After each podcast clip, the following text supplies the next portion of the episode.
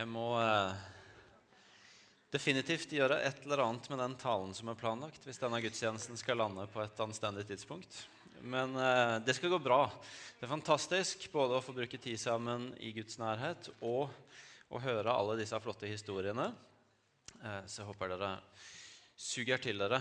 Eh, og som jeg sa, for meg så er det et poeng å knytte det sammen med det vi har snakka om underveis når folk har vært ute og reist, nemlig at vi som har vært hjemme, har vært en del av dette. Vi har vært med i bønn, vi har vært med og stått i ryggen. og Derfor så feirer vi en felles seire i misjon når vi hører vitnesbyrda. Det er ikke bare noe de har opplevd, men det er noe vi har opplevd. Noe vi har fått være med på, som vi får være med å feire. Og når poeng, fokuset for gudstjenesten i dag skulle være å gi litt retning og si litt om menighetens bønne- og fasteuke, som ikke begynner i morgen, men om ei uke. Men vi tenkte vi kunne snakke om det i dag, sånn at vi har litt tid til å forberede oss. Så jeg har veldig lyst til at vi skal ha med oss i bakhodet den erfaringa av at vi har fått stå, eh, stå i bønn for noe, og stå i bønn for noen som har vært eh, ute i misjon. Og så har vi fått lov til å være med og se at det har, det har, kommet noe tilbake. Det har kommet noen frukter tilbake, det har kommet noen erfaringer tilbake. Eh, men det jeg har lyst til å gjøre i dag, er så bare å kort å gi dere noe å tygge på i uka som kommer, sånn at vi sammen kan være klare til å gå inn i ei bønn- og fasteuke som begynner mandag 19. mars. Dere har fått litt ressurser med dere på vei inn på gudstjenesten i dag. Og helt kort, Som et rammeverk for å si noen kort, enkle ting om det, så har jeg bare lyst til at vi skal ta med oss en av de der sånn store referansefortellingene fra Bibelen som, som, som man kommer tilbake til og tilbake til, og som blir referert til i så mange mange sammenhenger, nemlig historien om Moses som leder folket, Israelsfolket, Guds folk, ut av Egypt. Eh, Utgangspunktet er jo at israelsfolket kom til Egypt under veldig gode omstendigheter. Det var stedet hvor de fant mat under hungersnøden. Det var stedet hvor de fikk en privilegert posisjon fordi en som i utgangspunktet var solgt og kasta ut av familien sin, plutselig hadde havna som en av de mektigste menn i landet. Eh, og så, så ble det å komme inn i Egypt en redning for israelsfolket. Men åra går nye ledere kommer til landet, tidene endrer seg. Og på et punkt så finner altså israelittene seg ikke lenger som privilegerte innflyttere i landet, men som undertrykte slaver som landets ledelse er redde for fordi de er blitt så mange at tenk om de, er, de skal overta hele landet vårt. Uh, og de er der som slaver.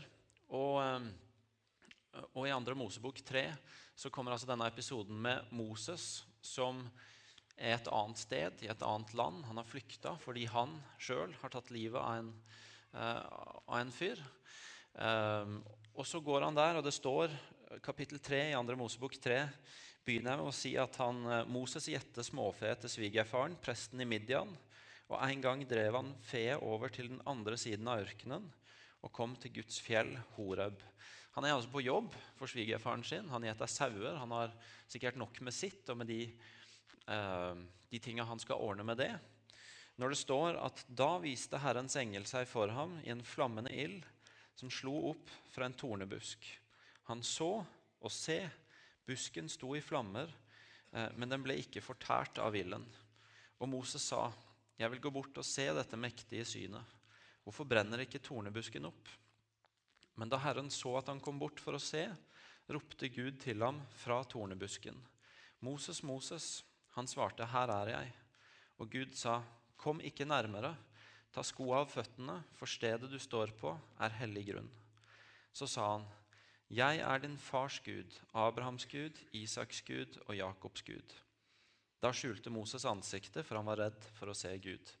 Moses er på hellig grunn. Plutselig, mens han er på jobb, holder på med sitt, prøver å holde styr på disse sauene, så er han på hellig grunn. Gud er der. Han må ta seg på beina. Uh, og han skjuler ansiktet, uh, og han hører Guds stemme. Og så sier Gud noen ord som for meg et sånt sted å komme tilbake til og komme tilbake til når jeg trenger å lære noe om hvem Gud er, om hvordan han opptrer overfor denne verden, om hvordan vi kan forholde oss til han, um, og, og det hjertet han har for den verden vi lever i. Når han sier Herren sa, 'Jeg har sett mitt folks nød i Egypt.' 'Jeg har hørt skrikene deres under slavedrivende.' 'Jeg kjenner deres smerte.'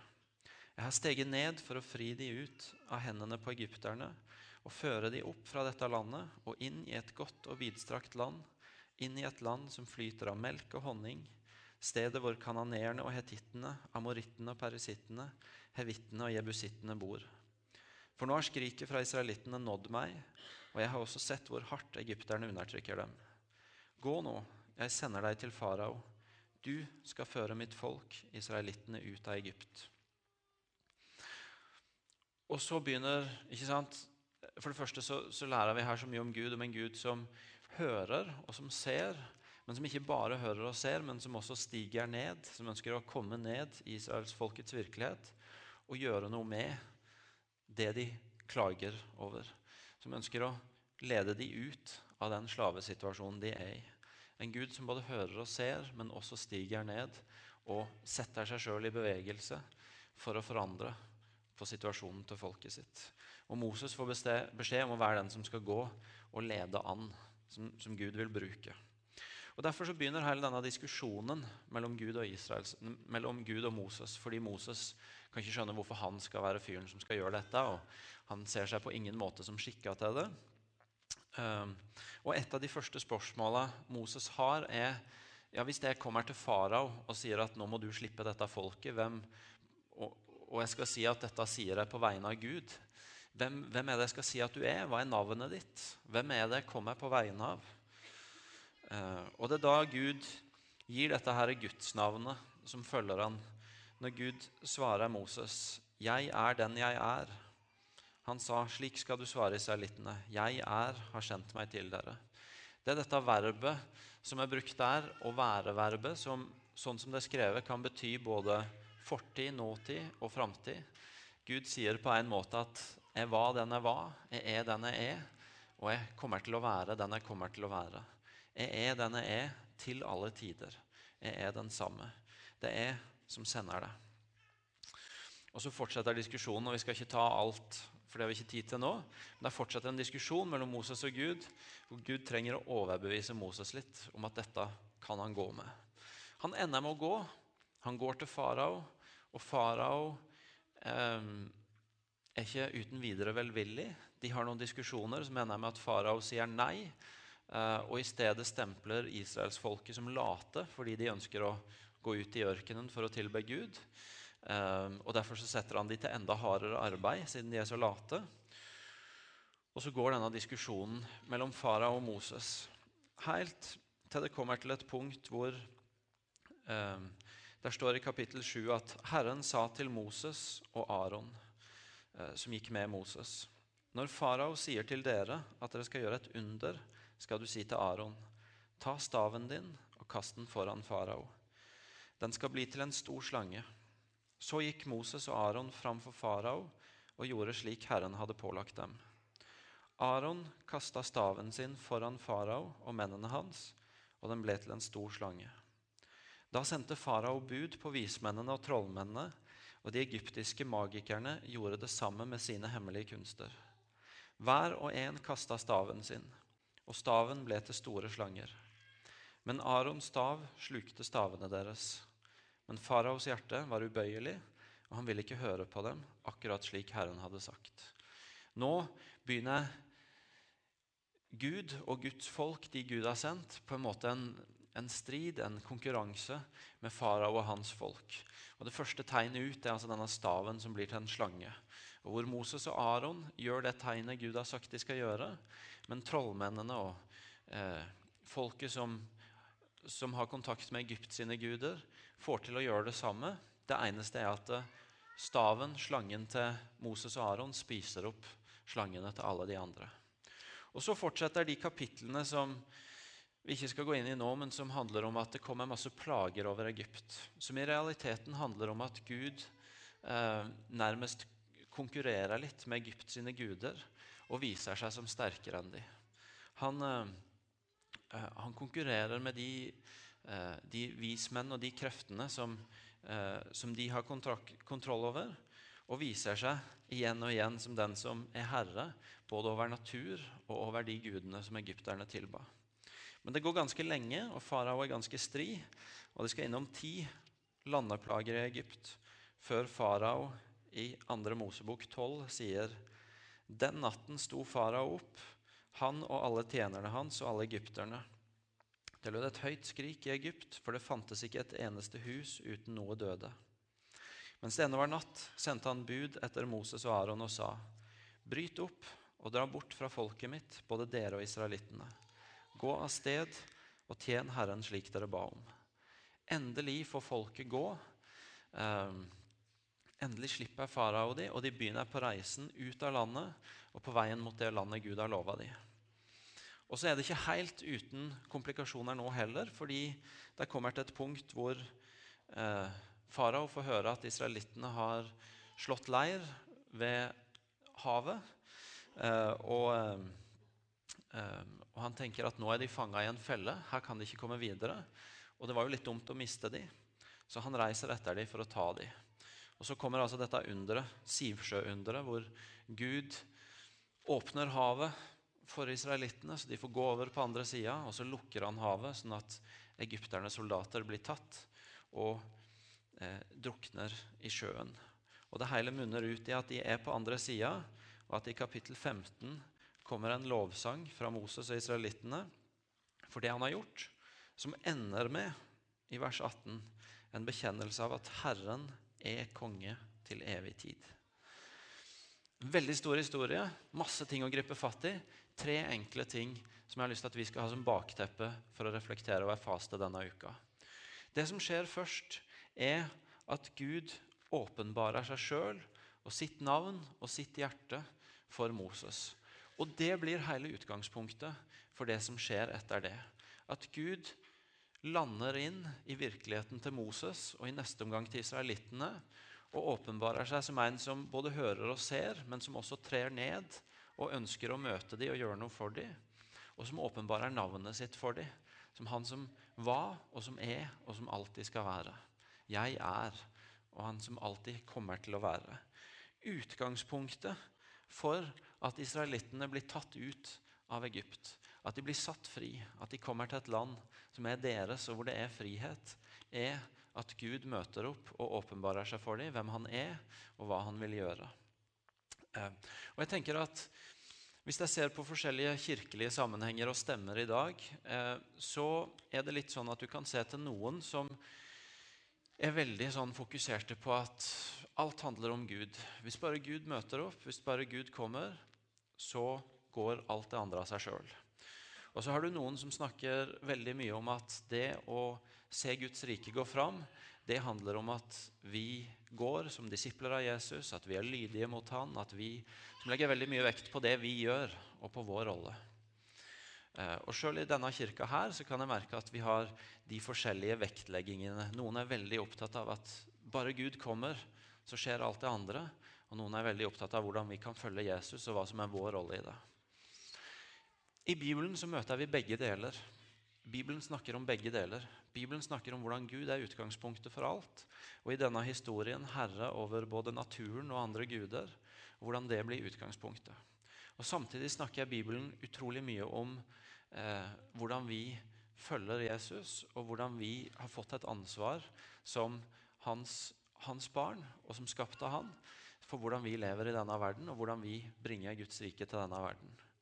Og det er litt sånn at jeg tror modenhet, som jo Bibelen sier er et mål for oss, det er å ikke løse spenninger som Bibelen sier at er der. Og Det betyr at der det kan være veldig fristende for oss å velge enten å si at nei, det handler bare om Gud, eller å si at nei, det som er viktig, er at vi er fokusert nå på hvordan vi kan følge Jesus, hvordan vi kan ta Guds rike videre. Så tror jeg Bibelen lærer oss at vi må leve i en spenning hvor vi har begge deler med oss.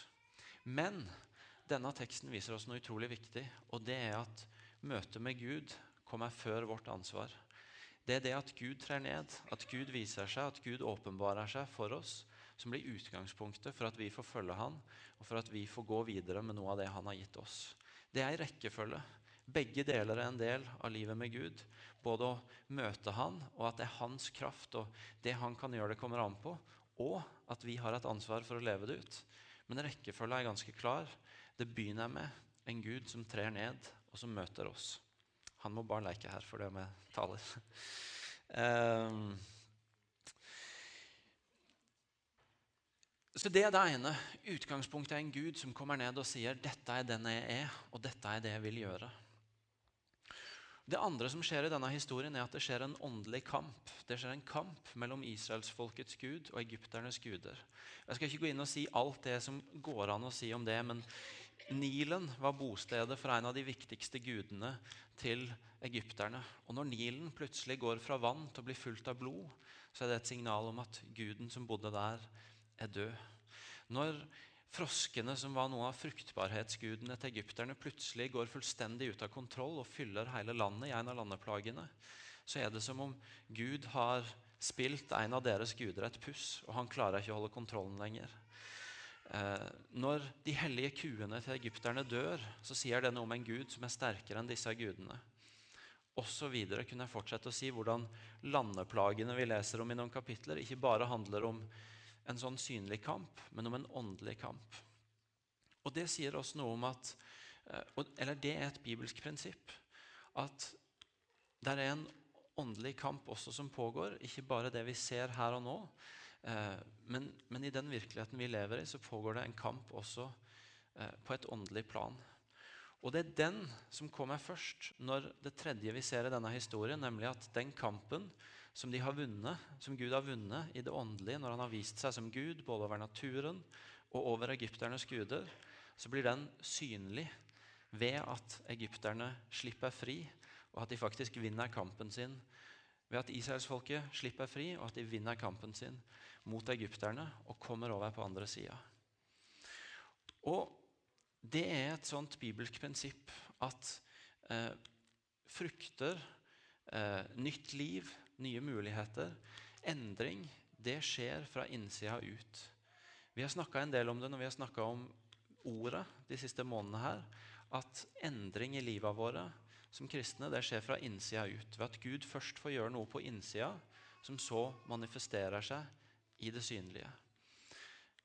Denne historien forteller oss noe om at det er et eller annet med å vinne noen kamper i bønn, i det åndelige, i i det som skjer, ikke bare i det vi gjør i vår egen kraft, som går foran at vi ser frukter, at vi ser noe nytt skje, at Guds rike vinner nytt land i det synlige her og nå. Det er et bibelsk perspektiv. Og Det betyr at i denne historien så går det ei linje fra at Gud åpenbarer seg midt i israelsfolkets situasjon, til at det kjempes en åndelig strid, og til at den striden faktisk resulterer i frihet for et folk og et løfte som blir oppfylt. La det henge der litt, og så skal jeg si en annen ting, og så skal jeg veldig fort bringe det sammen.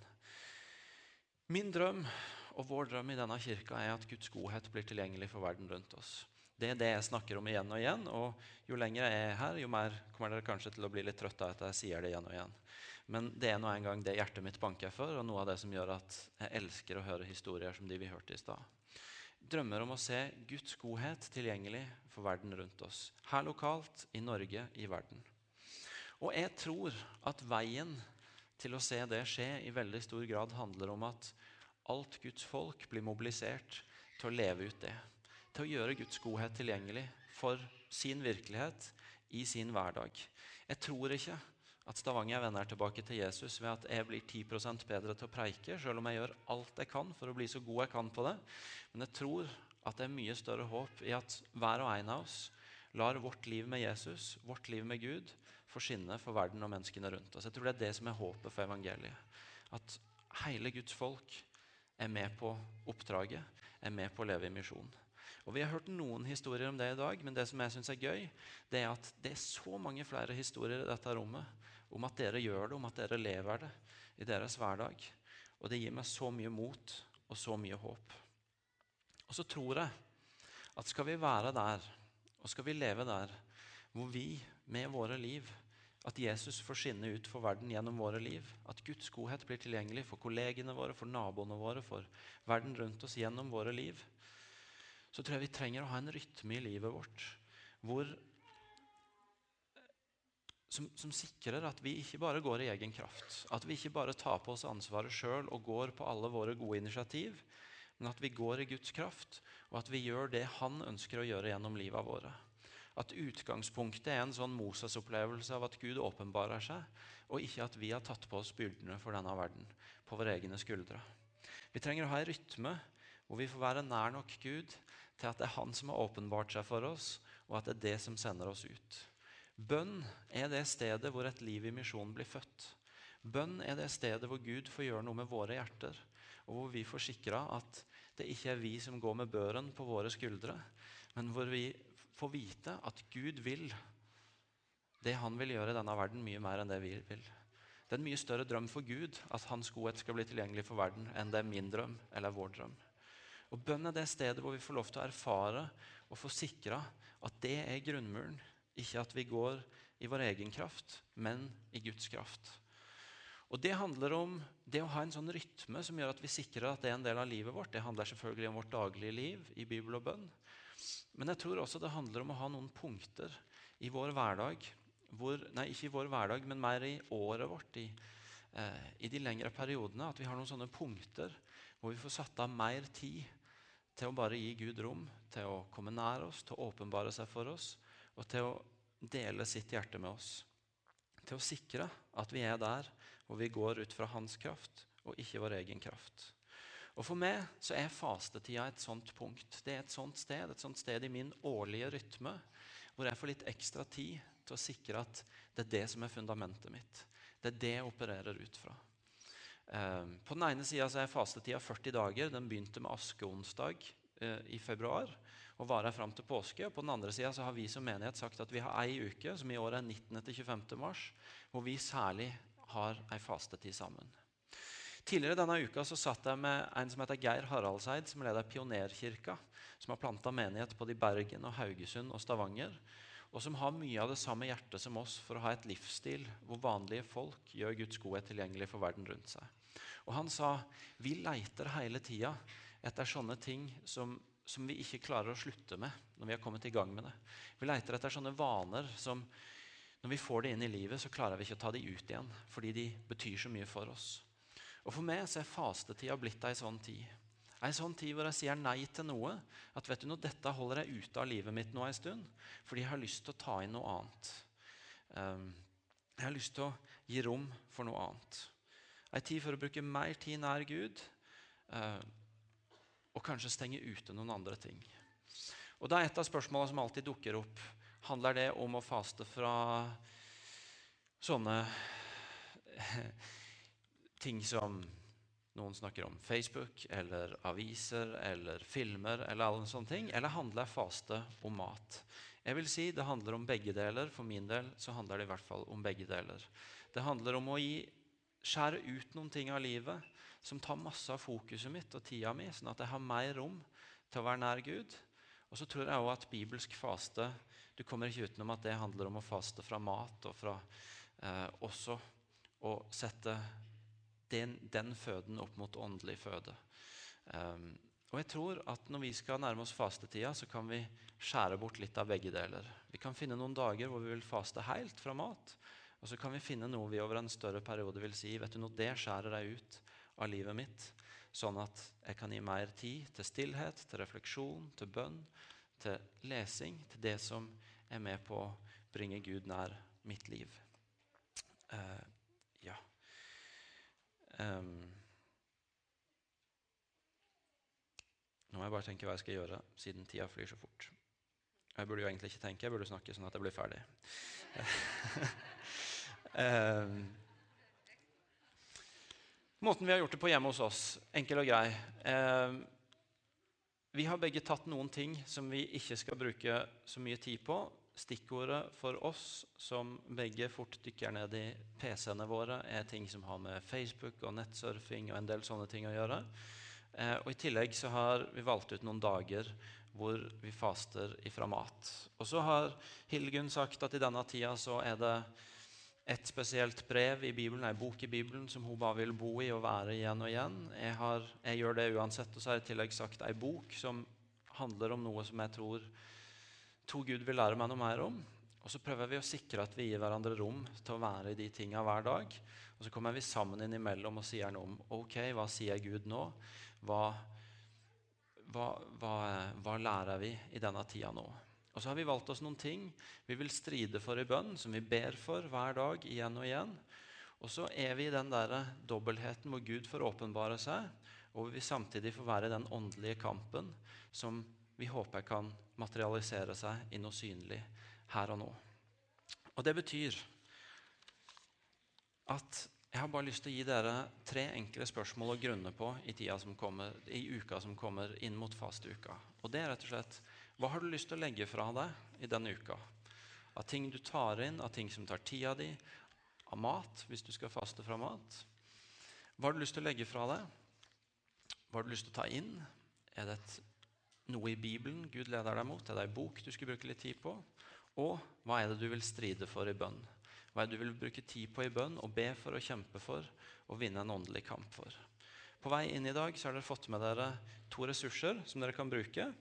Og så er egentlig min oppmuntring og utfordring til dere å bruke litt tid denne uka på å gjøre dere klar for ei fasteuke som jeg tror skal bli veldig bra. La oss reise oss og be sammen.